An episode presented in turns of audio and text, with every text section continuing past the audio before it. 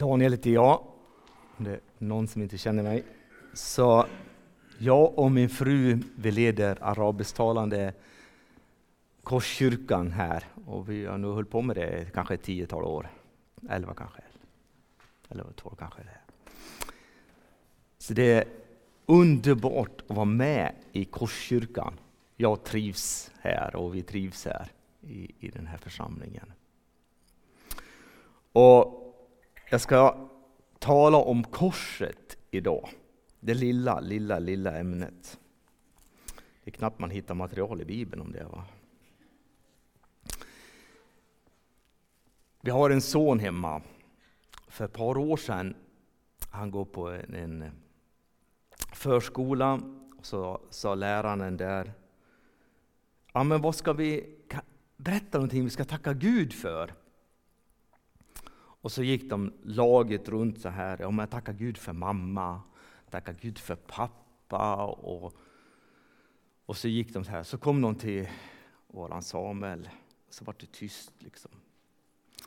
Vad ska vi tacka Gud för? sa han tyst. Korset! Korset ska vi tacka Gud för.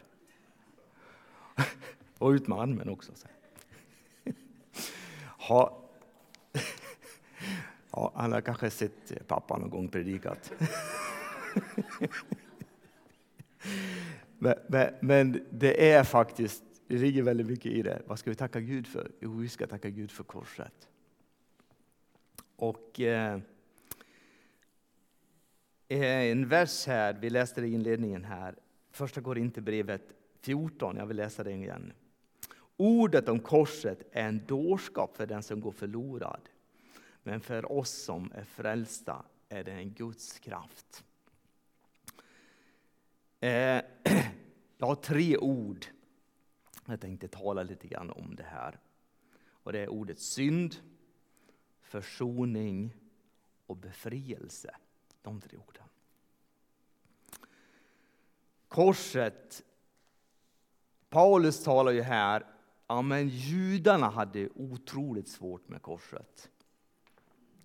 De begär tecken och hit och dit med det tecknet. Och de kunde inte förstå det. Grekerna var likadan. De kunde inte heller, liksom, vad, vad är visheten i det där? Och det är liksom, ja, de fattar inte riktigt det där med korset. Och Paulus själv, som skrev det här brevet, han fattar inte heller stor del av sitt liv. Han var ju, om det är någon som kanske borde fatta eller kunna det där, det var ju Paulus faktiskt. Han läste ju skrifterna och han satt under kanske den mest respekterade läraren Gamaliel och satt vid hans fötter och lärde sig. Och han kunde stora delar av säkert Gamla testamentet utan till. Ändå liksom faller inte poletten ner i Paulus hjärta. Han förstod inte. Istället för att älska människor som är verkligen Guds hjärtelag så hatar han de kristna. Och han förföljde de första kristna. Och jag vet inte hur många han satt i fängelse i Jerusalem. Men det var säkert flera hundra tror jag. Och när de ville döda dem, yes, nu äntligen en till. Och den där resan till Damaskus. Nu ska vi nita dem där. Det räcker inte bara här, vi ska ta dem där i, i Damaskus också. Och berättelsen kan ni när han möter Herren Jesus. Och han faller ner, förmodligen från hästen. Och han ser och han hör. Vem är du, Herre? ropar han där. Ja, Herren Jesus, den du förföljer. Och efter det kunde han inte se. Istället för den, liksom, den härförare han skulle komma till, liksom, till Damaskus och ta igen dem där, kom han dit som en krympling, blind. Fick ledas fram in i Damaskus. Där han omvände sig. Och en från församlingen i Damaskus fick lägga sina händer på hans ögon så han kunde se igen. Så var det med Paulus. Och det finns någonting i det här med korset. Mysteriet om korset.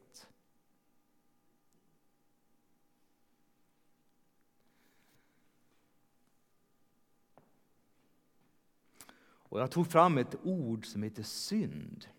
Det är ett väldigt omodernt ord. Det var säkert omodernt då också. Det var ju avrättningsverktyg av verkligen värsta klass.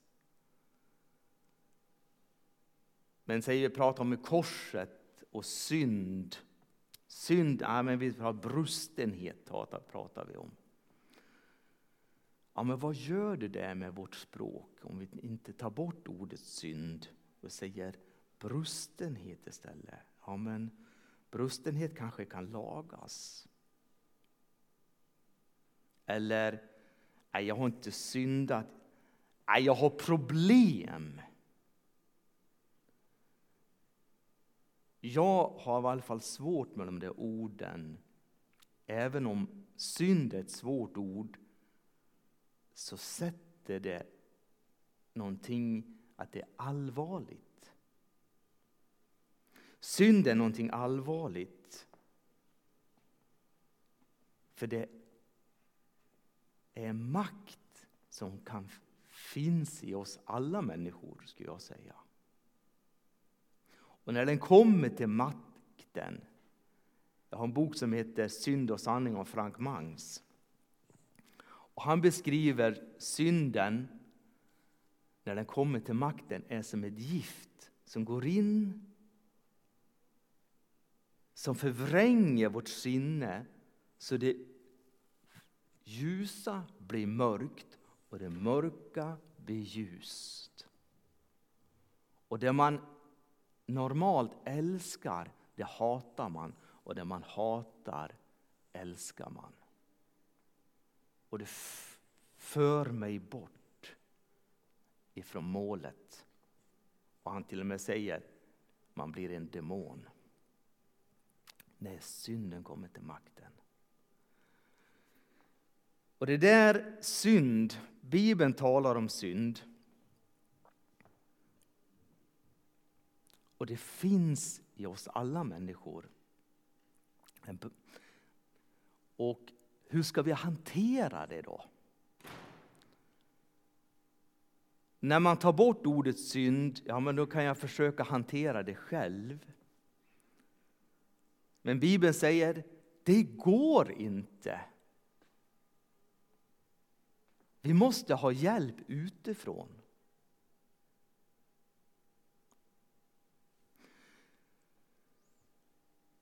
Så synden den finns i oss och vi måste ha hjälp för att bli fria. Ordet syns betyder missa målet. Missa målet med livet. Eller tar fel väg. Och ett tredje ord betyder uppror. Alla de där tycker jag kan se i ordet synd, för det finns ett uppror. Jag vill inte ha med Gud att göra. Jag vill gå min egen väg. Och det här syndet gör mig lätt krokig, självcentrerad och självupptagen. Och det gör att jag missar målet med livet att ha gemenskap med Gud.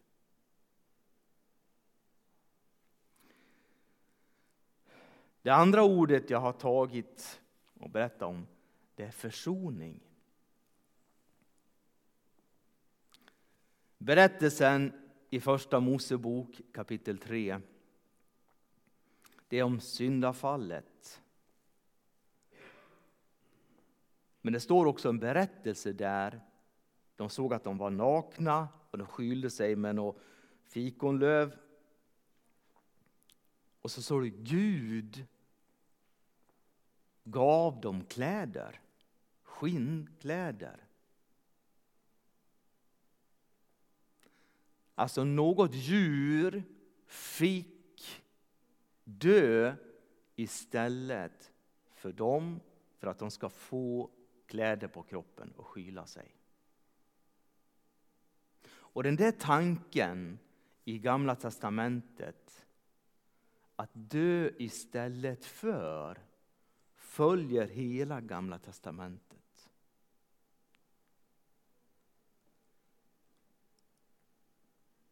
Jag kan ta upp ett ställe. Och Det är om påsken, den första påsken. Sista plågan i Egypten, då säger Gud, ni ska ta ett lamm. Vad hade det lammet gjort? Ingenting. Det ska vara felfritt lamm. Och ni ska slakta det och ni ska ta blodet och stryka över dörrposterna. Och så ska ni äta det innanför där för att ni ska bli räddade. Så lammet, det oskyldiga lammet fick dö så de blev räddade. Det ligger i ordet påsk. Ordet påsk betyder gå förbi. Domen gick förbi det huset.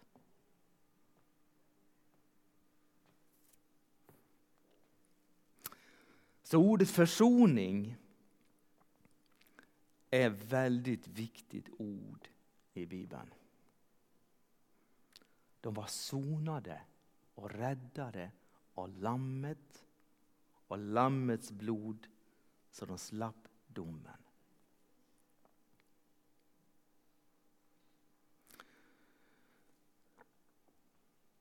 Igår predikade jag ifrån Jesaja 53. Och någon som har läst Bibeln kan det, det är lidande tjänare.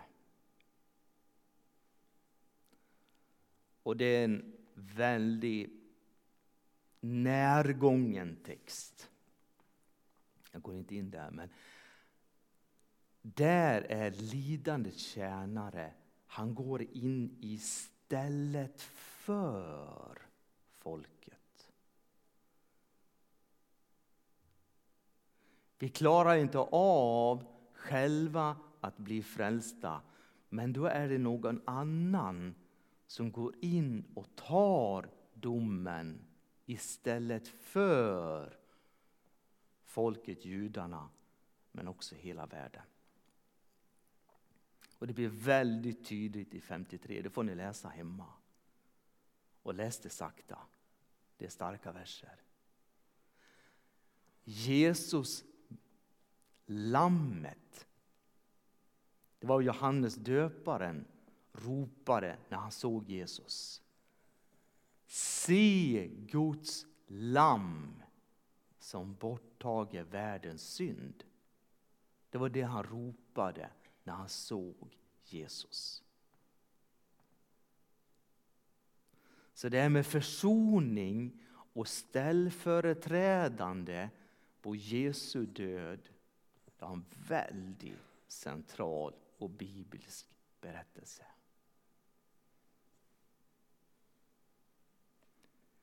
I slutet av kapitel 53 så står det om rättfärdighet.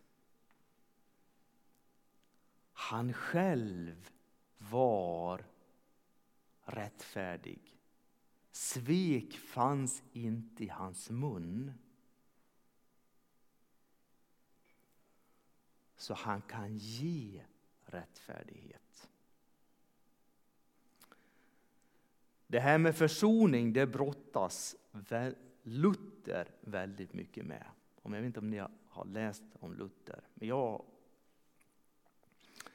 han brottas. Hur kan jag någonsin finna en nådig Gud? För han visste, vi dömer människor. De har gjort fel och då dömer vi dem.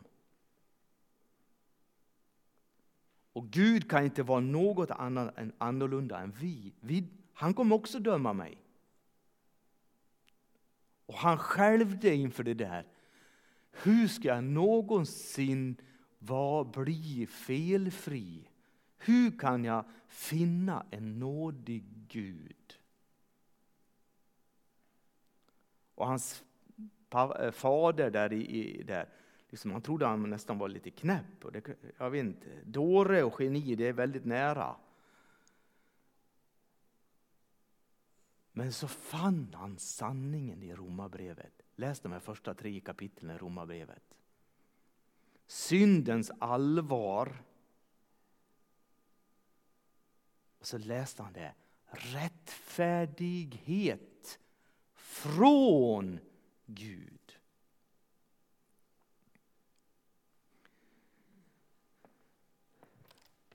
Försoning. Här är en kavaj.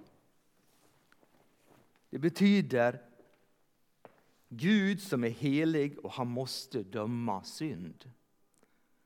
Ja, han dömde sig själv. Han dömde Kristus. Och då var hans rättfärdiga dom rätt. Det var det som hände på korset. Så Kristus kan skänka oss sin rättfärdighet. Nu får det här likna Kristi rättfärdighet. När man tar emot Herren Jesus i hjärtat blir man iklädd Kristi rättfärdighet. Och man blir försonad. Ja, på riktigt blir förlåten det jag gjort fel. Luther han var Wow! Äntligen kan jag hitta en nådig Gud. Jag blir förlåten. Rättfärdighet från Gud. Det är inte hans egen rättfärdighet utan Kristi rättfärdighet. Alltså det är reformationens kraft. Hur kunde karln gå emot stora katolska kyrkan och göra det han gjorde? Jo, han kände sig fri. Gud har satt mig fri. Och det var liksom så tydligt och klart när det kom ner. Så han, det var som en kraft han drog igång den här reformationen på 1500-talet. Och det korset, det är en kraft till försoning. Paulus, om jag går tillbaka till texten här. Han förstod inte det. Synden hade gjort honom blind. Men när Kristus uppenbarade detta så älskar han korset. Läs hans brev. Han är helt betagen och det är det här mötet på, kommer gång på gång in i hans eh, brev. Jag är förlåten. Jag var den största av alla syndare har fått barmhärtighet och nåd. Och det är inte bara för Paulus, det är inte bara för judiska folket, utan det är för oss. Synden är allvarlig, ja. Det kostar Gud det bästa han hade, han själv, för att sätta oss fria. För det är makt som finns i oss som verkligen drar oss bort och vi kan bli som demoner. Jag vet inte om du har tänkt, hur kan man ta död på andra människor? Nej, det finns makter, synden är makt. Om man öppnar sig för mörkret och får det makt över oss, ja, då kan man göra otroligt hemska saker. Men det behöver inte gå den vägen. Man kan ta emot Kristus, man kan ta emot förlåtelse och försoning. Man kan få frid med Gud som står i Romarbrevet 5. När vi har fått frid med Gud, står det i Romarbrevet 5. Försoning. Vi kan få försoning med Gud. Och så kan vi också lära oss förlåta andra. När man, Paulus förstod att han hade gjort mycket fel och han förlät. Och han lärde församlingarna att förlåta och han var liksom verkligen fader, lär förlåta. Kristus har förlåtit oss, ni måste förlåta varandra. Sista ordet, det finns mycket att säga om det, men nu för befrielse. Herren Jesus, han älskar se oss människor upprättade. Inte bara förlåtna, okej okay, skulden är betald, nu är det noll på skuldkontot. Utan han vill se oss upprättade. I Efesierbrevet talar om att vi har blivit adopterade in och blivit hans son. Men också upprättade. Man kan känna skam och skuld. Jag går det med korset, med den där skammen och skulden. Om du har gjort tokigheter eller om det är sann skam. Eller, gå dit och lägg det där så att du känner dig fri. Herren Jesus älskar upprätta människor. Alla sorters människor. För alla samhällsklasser, på alla sätt, alla länder och språk vill han sätta människor fria. Hjälpa oss från vår inkrökthet till att resa oss upp och fröjda oss och vara glada.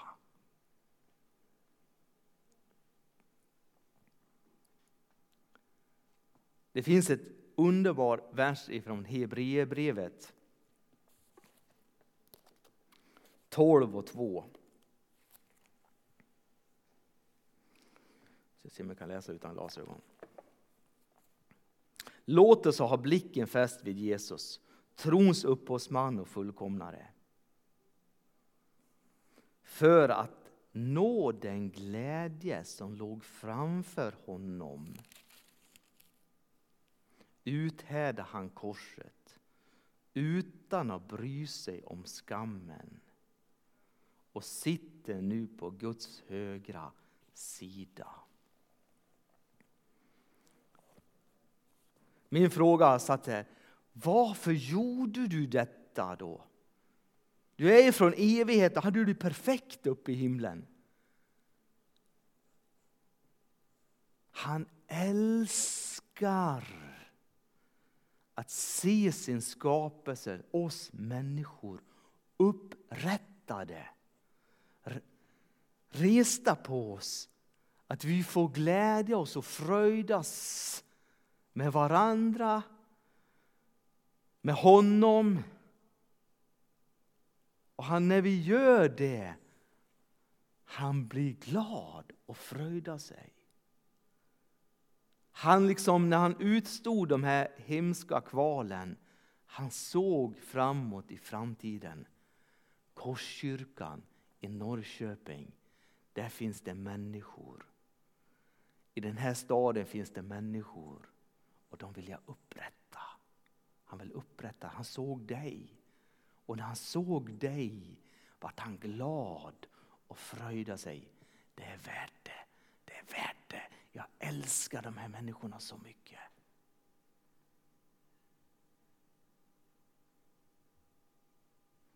Han befriar oss från ensamhet. Jag tror nog vi kanske det är det mest ensamma land i hela, alltså vi är nog de mest ensamma människor i, i världen. Jag vet inte men det kan jag. Att vi är väldigt ensamma, vi är liksom, mig, jag, mig och mitt är väldigt viktigt i vårt land. Men vi kan befrias in i en gemenskap. Ser du, bjälverken är där. Jag älskar alla. Och han säger välkommen hit till kyrkan, gemenskapen. Du behöver inte bara tänka på dig själv, du kan tänka på andra och du kan ha mycket goda vänner här. Sista åren har jag upplevt en otrolig, ja, det har varit en väldigt tuff tid med, med Tony. Men kyrkan gemenskapen kyrka. Vilken välsignelse det är. När livet riktigt är jättesvårt så finns det en hel underbar kropp, vänner som är och ber och bryr sig om och man får tillsammans och man känner sig buren. Så Herren Jesus han bjuder befria oss in från vår ensamhet in i gemenskapen, sin församling, sin kyrka.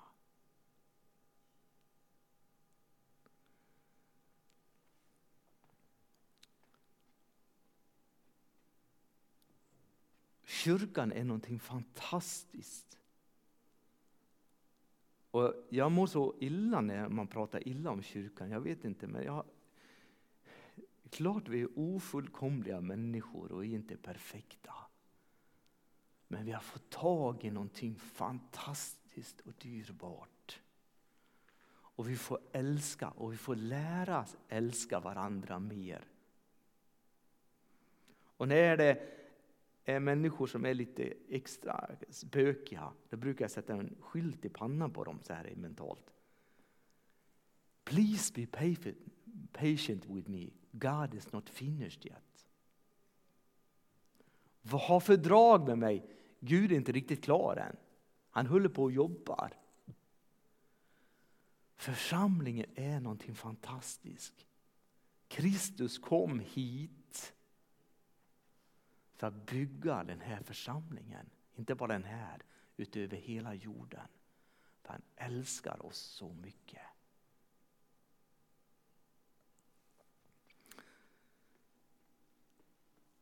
Kolosserbrevet, nej vad säger jag, Korinthierbrevet som jag börjar med, är en Guds kraft. För oss är det en Guds kraft. Korsets mysterium, ja det är ett mysterium. Och det är en tanke som är på ett sätt lite främmande, svår. Men Bibeln är det väldigt tydligt. Och det är verkligen en kraft till försoning, till upprättelse, till gemenskap, till liv. Paulus han fattade det. Och det, är liksom det var som är själva motorn och energin i överhuvudtaget. Hur orkar karln göra det han gjorde? Ja, men han var så fri och han älskade Jesus och det han hade gjort. Han har fått tag i försoningen. Och det drar mig, tänk om jag får tag i det ännu mer. Ännu mer präglad, lite grann som Paulus, som Martin Luther och de här. Sötman i att vara älskad och vara till välsignelse för andra. Ska vi bedja. Herre Jesus, tack att du älskar oss så mycket. Du tittar inte fingrarna med synd, det är någonting otroligt hemskt. Och det finns i oss alla. Men du tog tag i det där problemet helt själv. När du tog den bördan och betalade priset för den vad synden gjorde med oss. Och det beredde en väg. En frälsningens väg. Och det får vi säga ja, jag vill gå den. Jag vill ta emot den där förlåtelsen. Jag vill tro på dig, Herre Jesus. Och Herre Jesus, jag brottas med en och annan sak i mitt liv. Herre Jesus, kom med din befrielse. Jag känner mig så skamsen, jag känner mig så tryggt. Det finns saker och ting jag måste göra upp. Herre, kommer din kraft och försoning och kraft till upprättelse. Du älskar upprätta oss. Jag kan inte fatta hur mycket du älskar oss. Lite grann har jag förstått. Herre, hjälp oss förstå ännu mer. Du bjuder oss in, Herre, i gemenskap med dig själv. Och du bjuder att vi ska ha gemenskap i församlingen, Korskyrkan. Tack Herre för din nåd.